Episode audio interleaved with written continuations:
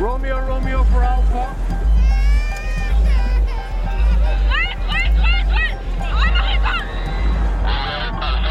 Uppdrag rädda liv.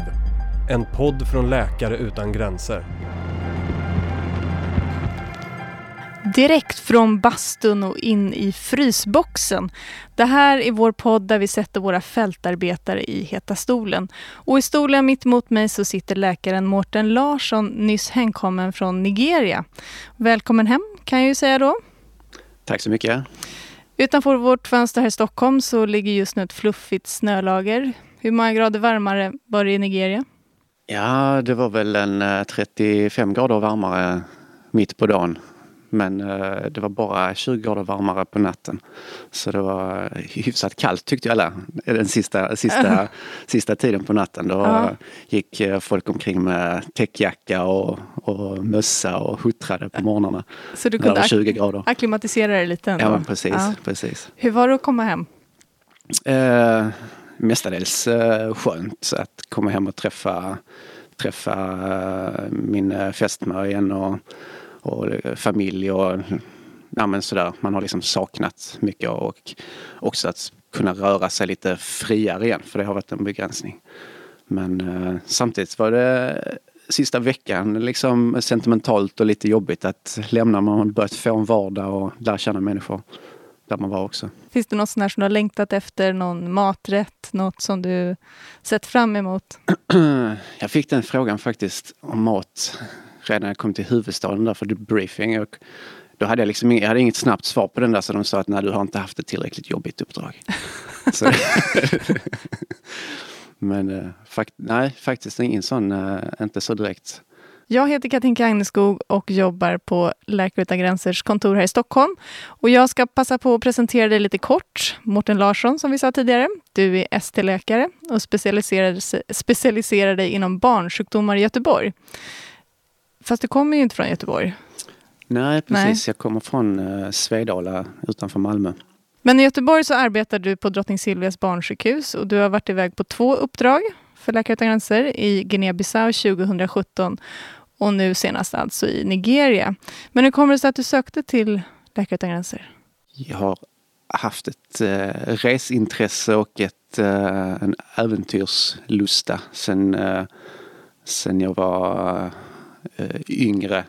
Och eh, så fort jag har kunnat eh, få självständighet och eh, tjäna egna pengar så har jag gett mig ut och rest så fort jag har haft möjlighet. Eh, så eh, möjligheten att fortsätta göra det, upptäcka världen och de liksom eh, hela tiden eh, man kan säga kickar, man kan säga ögonöppnare som man får av att, komma till nya platser som man inte känner till och se hur saker och människor eh, fungerar där. Det, eh, I kombination med, att, eh, med det arbete som jag tycker är det roligaste jag har hittat att göra, att vara läkare och barnläkare. Det är en ganska perfekt kombination.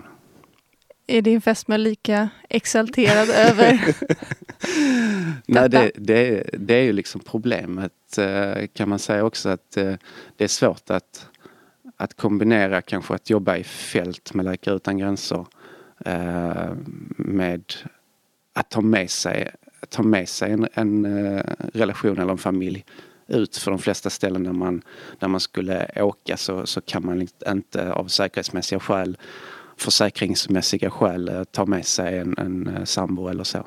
Vårt samtal idag tänkte jag skulle handla mycket om malaria.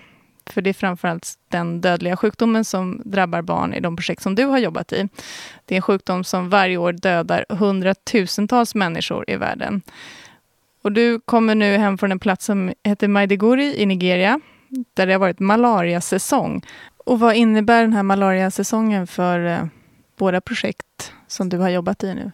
Det innebär ju att man måste ha förberedelsen och eh, förmågan att blåsa upp projektet eh, ganska rejält under, under den här perioden när malarian eh, är som värst. Mm. För vi vet varje år att det kommer Precis, precis. Och man vet också att i en situation när man har mycket, mycket andra problem så blir det ännu värre. Har man problem med trångboddhet för att man har en, en konflikt och man har dålig sanitär situation så har man ännu mer malaria. Det, det följer hand i hand för det är också en sanitär sjukdom. Har man, kan man inte begränsa vattensamlingar och så vidare i samhället så har man mer myggor och mer malaria. Mm. Du jobbade på ett sjukhus där. Kan du berätta lite hur det såg ut på det här sjukhuset? Hur mycket patienter hade ni? Det var en ganska enkel och lite, eh, lite hafsigt eh, byggd byggnad som, eh, som utgjorde själva huvudbyggnaden där vi hade vår akutmottagning och intensivvårdsavdelning. Och sen så bestod det av tält, provisoriska tält som vi hade slagit upp.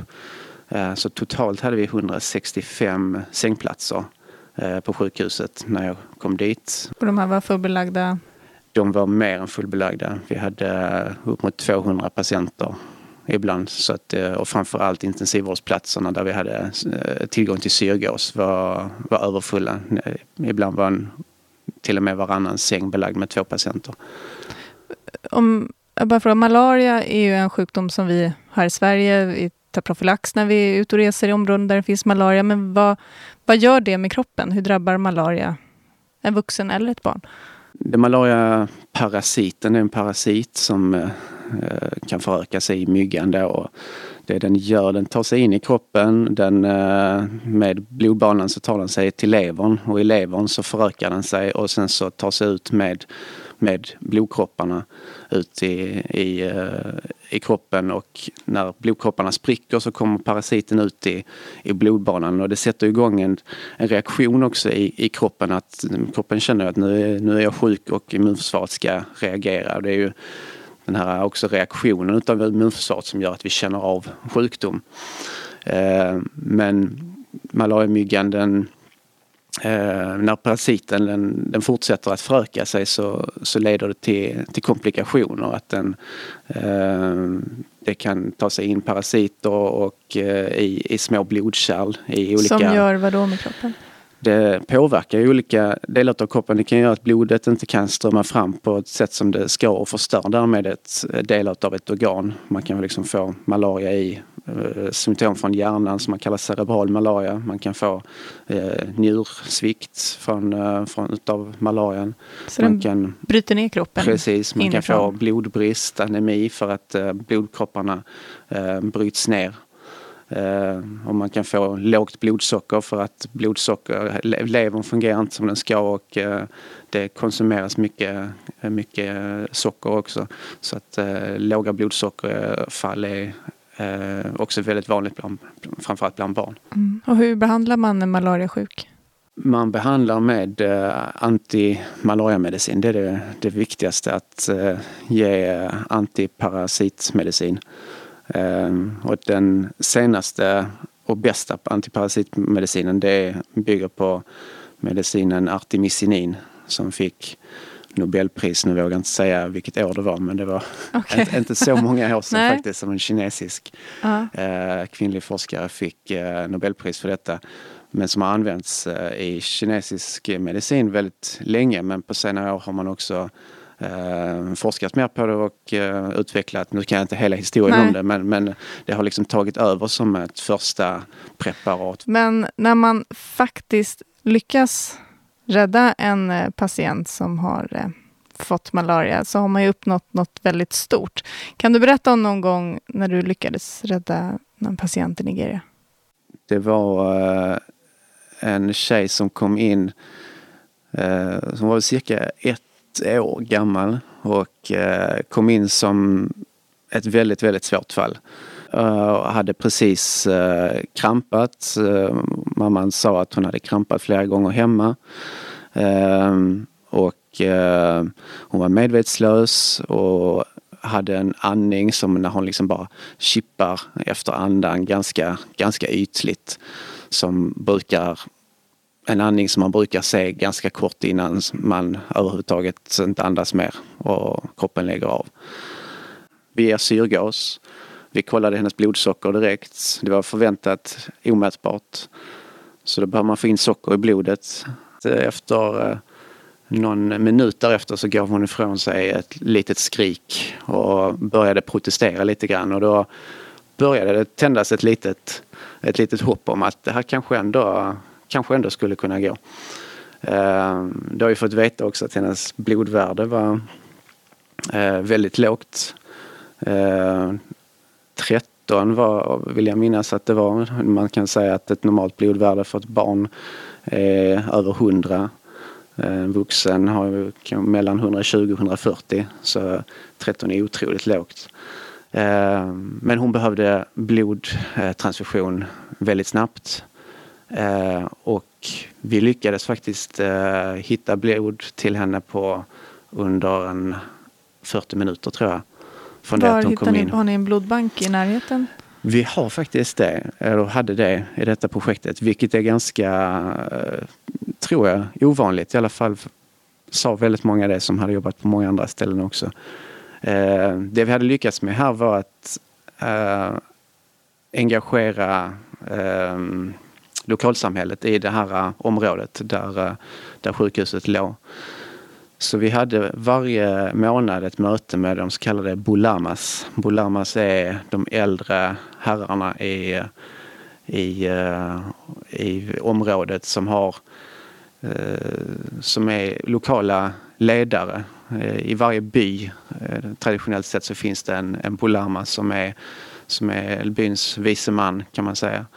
Och eh, fortfarande även inne i städerna så finns det på var, i varje område, varje gata nästan en, en Bolama som har eh, respekt bland, eh, bland befolkningen dit man kommer för att fråga, få, få råd om saker och ting och som också kan påverka väldigt mycket. Och får man lyckas man övertyga dem om någonting så kan man oftast komma ganska långt med eh, information. Och vi lyckades övertyga dem om att om de kan få folk att komma och donera blod så kommer vi kunna rädda deras barn och barnbarn. Eh, så det är tack vare en Precis. bra relation med lokalsamhället? Precis, Den, det, det var vägen. Och efter det efter att vi hade börjat med det så behövde vi aldrig ens göra någon, eh, någon kampanj som vi hade planerat att göra. Det, för det kom människor hela dagligen och donerade blod.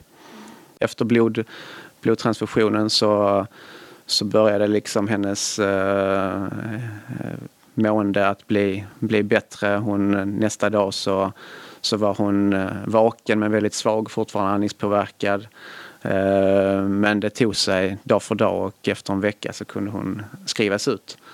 Eh, och jag tror att eh, jag, jag kände, jag vet att när jag, vi skrev ut henne att jag kände mig ganska stolt att vi hade lyckats skapa de den rutinen på ett sånt eh, ställe med, den, med, med de ganska knappa resurserna att vi faktiskt kunde eh, använda dem på ett sätt att vi kunde rädda någon som var så otroligt svårt sjuk när hon kom in att det inte är säkert att hon skulle överleva i en, i en eh, liksom höginkomstkontext heller med dem, om man kollar på alla de eh, dåliga värden eller och den utgångsläget faktiskt.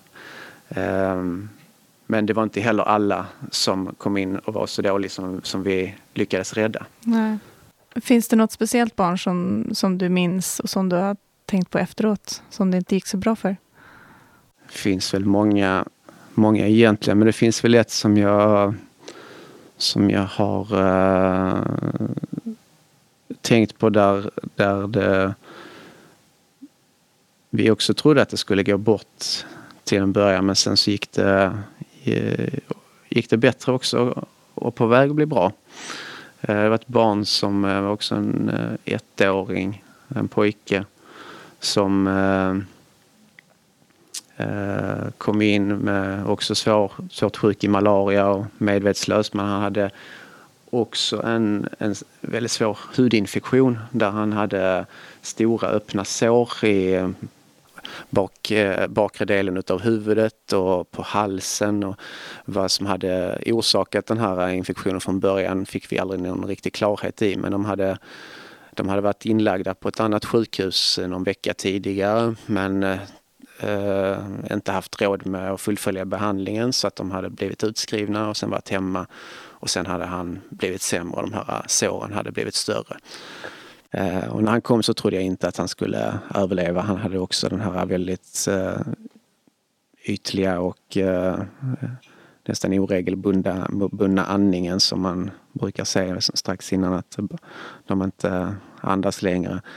Eh, men han eh, vände också och eh, tog sig. Vi kunde tvätta och göra rent och, och, och skära bort den döda vävnaden i de, här, i de här såren och det började se bättre ut. Och efter någon dag så var han mer lite vid bättre medvetande och så vidare. Men han hade fått en, en lunginflammation efter att troligtvis att han varit medvetslös. Det är väldigt lätt att man får en lunginflammation för att man inte kan svälja undan saliv eller sekret och så vidare. Eh, normalt sett när man är, eh, om man har möjligheten så intuberar man, alltså man stoppar ner en mm. tub och, och, tar över andningen på patienter som är eh, eh, medvetslösa för att man inte ska eh, dra ner någonting i lungorna. Men i den här eh, miljön så får man bara se till att försöka undvika det på så gott det går genom att vända på dem och de får ligga i, i positioner där det är mindre risk att de ska aspirera som vi kallar det. Eh, men han var ändå på väg att bli bättre eh, och hade, jag hade förhoppningen att, att vi skulle kunna flytta honom från intensivvårdsavdelningen till den vanliga avdelningen. För han var på väg att bli av med sin syrgas och så vidare efter fem, sex dagars behandling någonting. Men sen eh, det kom en morgon efter att eh, vi hade eh, eh ja, innan, innan morgonmötet brukar jag ta en liten, eh, en liten eh, runda och kolla, kolla på patienterna. Så såg jag att hans säng var tom och då fick jag en liten som en liten dålig känsla i magen att eh, tänkte antingen har de, var han väldigt mycket bättre i, i, i, natt så att de flyttar honom eller så har det hänt någonting. Och då kom eh, Bukar, eh, sjuksköterskan som brukar lägga om, hans sår, eh, sår till mig och sa hörde du vad som hände med i, igår kväll? Nej, sa jag, vad, vad är det som har hänt? När du hade, vi gav eh, maten via en, en sond i näsan för att han, eh, som gick ner i, i magen. För att han eh, var fortfarande för svag för, för att dricka och amma ordentligt. Ehm, så normalt sett så när vi ger det så ska de sen sitta upp i 30 minuter minst efter ett matintag. Och det, eh, någonting som vi instruerar föräldrarna i att göra, att de ska hålla dem sittande och, och se till att de inte lägger dem ner. Varför då? För att när, när man lägger dem ner så finns ju, av gravitationen så är det väldigt lätt att det som eh, innehåll som man har gett i magen det kommer upp och då, det kan då lätt dras ner i, i lungorna. Och i det här fallet så hade mamman lagt barnet ner tio minuter efter att mm, mjölken var, var given och gått ut för att eh, göra någonting. Eh, och en stund senare så hade personalen sett barnet eh, i sängen utan andningsrörelser och eh, det bubblade upp mjölk i, genom näsan. Eh, och man förstod att han andas inte längre. Eh, och det var naturligtvis hårt att, för att det, det var på ett sätt så var det, hade vi, har vi en skuld i, i det eh, förloppet där det, det var en rutin som vi har som inte fullföljdes. Eh, I den bästa av världar så, så skulle vi funnits personal där som hade sett till att inte mamman la ner barnet. Eh, så att detta hände. Det, I den bästa världen så hade, mamman, så hade vi kunnat förklara på ett bättre sätt och mamma hade haft en kanske en bättre utbildning så hon hade kunnat ha, förstå bättre varför hon inte skulle göra eh, så här. Och hur hanterar du som, inte som läkaren Mårten utan som människan Mårten, en sådana här händelser? Det är ju svårt att, att veta vad som är gränsen mellan läkarmorten Mårten och människan Mårten i den situationen. Men det, det går liksom lite ihop. Men, men man har... Jag har lärt mig att acceptera när patienter dör när man har gjort allting som man, som man på något sätt kan, kan göra. Eh, men de fallen där, man, där det finns saker som man kunde gjort annorlunda så är det svårare. Men Eh, blev du aldrig arg? Kände du inte att det bubblar över någon gång?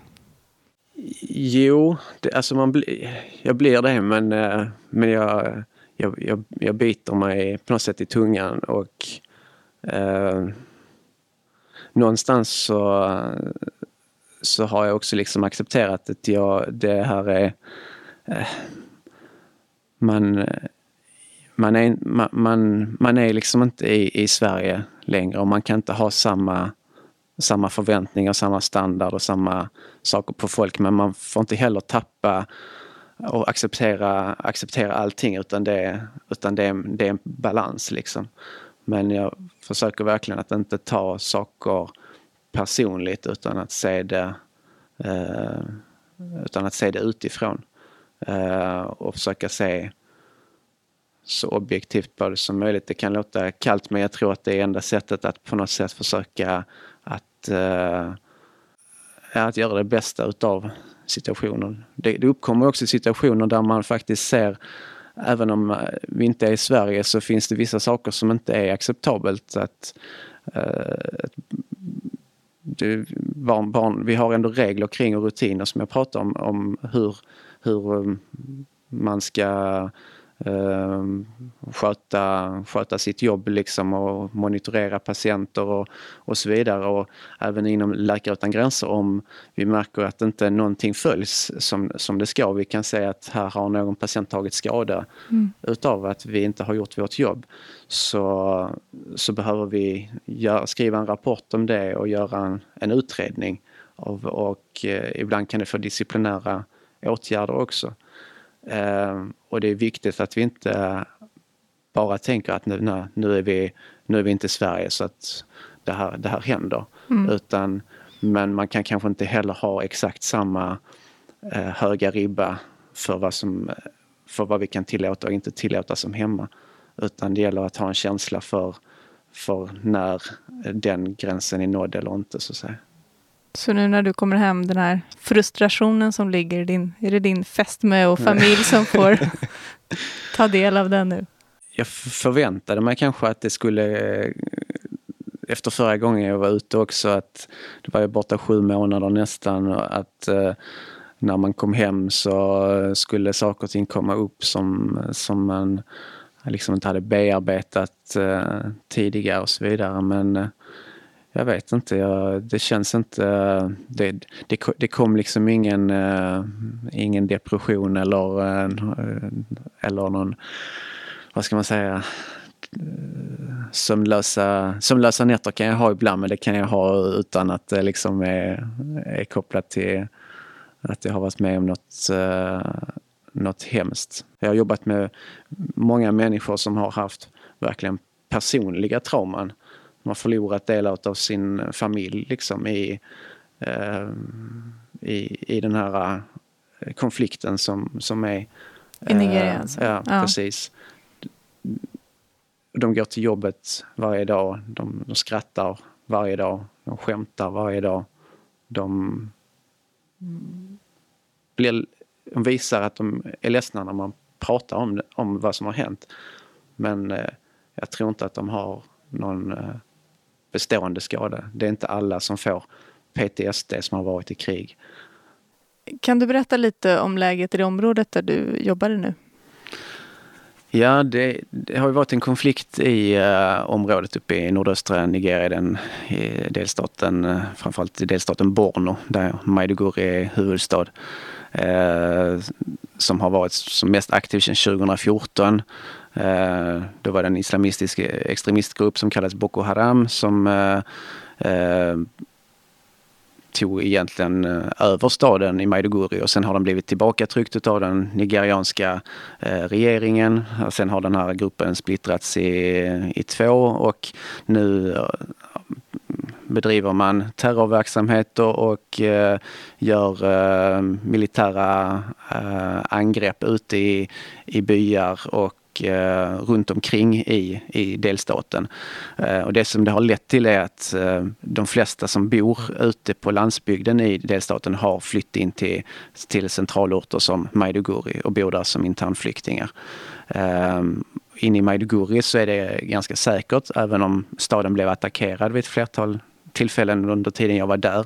Men det är ingenting som man märker när man är inne i staden. Men man kan läsa om det på Twitter att nu pågår det någonting och man hör polis eh, och militärhelikoptrar och, och så vidare som reagerar på någonting. Eh, runt omkring så, så hände det en del eh, attacker med både civila och militära eh, dödsoffer eh, under, under perioden. Så att det, det, det är långt ifrån en konflikt som är löst som eh, det ibland eh, i alla fall den nigerianska armén vill eh, få det att låta som. Hur ska du fira jul? Uh, med uh, min sambos uh, familj först och sen ska jag åka ner till, till Skåne och, och träffa mina, mina föräldrar också. Vad kommer de fråga dig när du har kommit hem från ett hyfsat farlig kontext i Borno State i Nigeria? Det, nu låter det ju som att eh, man kommer hem och de inte har haft någon kontakt med en, men man, det har man ju faktiskt. Man, man har ju haft en kontakt via, det, det spelar ju faktiskt roll för jag tror för bara fem åtminstone sju år sedan tror jag inte att det hade varit så lätt att hålla kontakt hemåt. Men jag hade 4G-täckning hela mitt uppdrag. Eh, så, så, så bra är det. hade jag hela mitt förra uppdrag också. Är man på ett ställe, de flesta ställen i, i Afrika söder om Sahara där, man, där man, det bor tillräckligt många människor så finns där en, eh, en, eh, en mast och då har man täckning och då kan man ringa hem på Whatsapp eller Skype eller vilket man vill. Så du hade lika gärna kunnat varit i Hässleholm? Ja men nästan. Ja.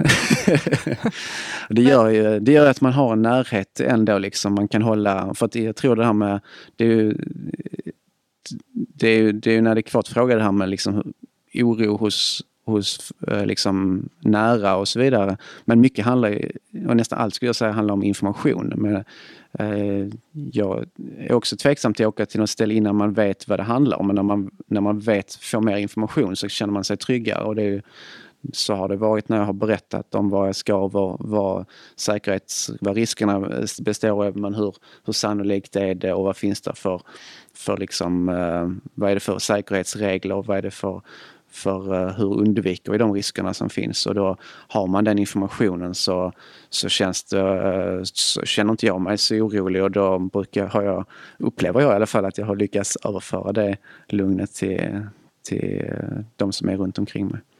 Har du något drömuppdrag för Läkare Utan Gränser?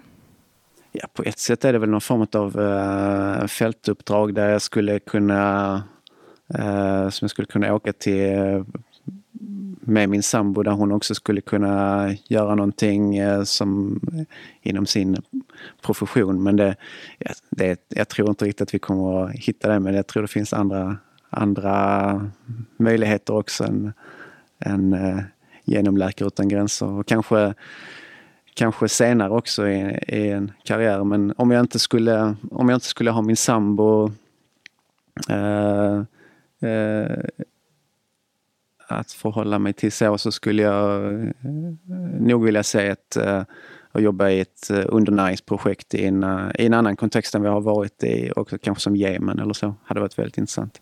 Mm. Får vi hoppas att HR-avdelningen här på Läkare Utan Gränser har lyssnat. Tack Mårten för att du ville vara med i vår podd. Och tack till alla er som lyssnat. Ni hittar fler avsnitt om ni söker på Uppdrag Rädda Liv där poddar finns.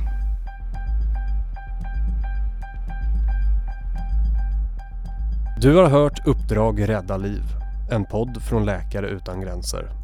Podden gjordes av Katinka Agneskog, Sonja Leister och Alexander Uggla. Ansvarig utgivare är Oliver Schultz. Tack till Roll the Dice och Peder Mannefelt för musiken. Vill du höra fler avsnitt? Du hittar dem där poddar finns eller på www.lakareutangranser.se nyheter poddar.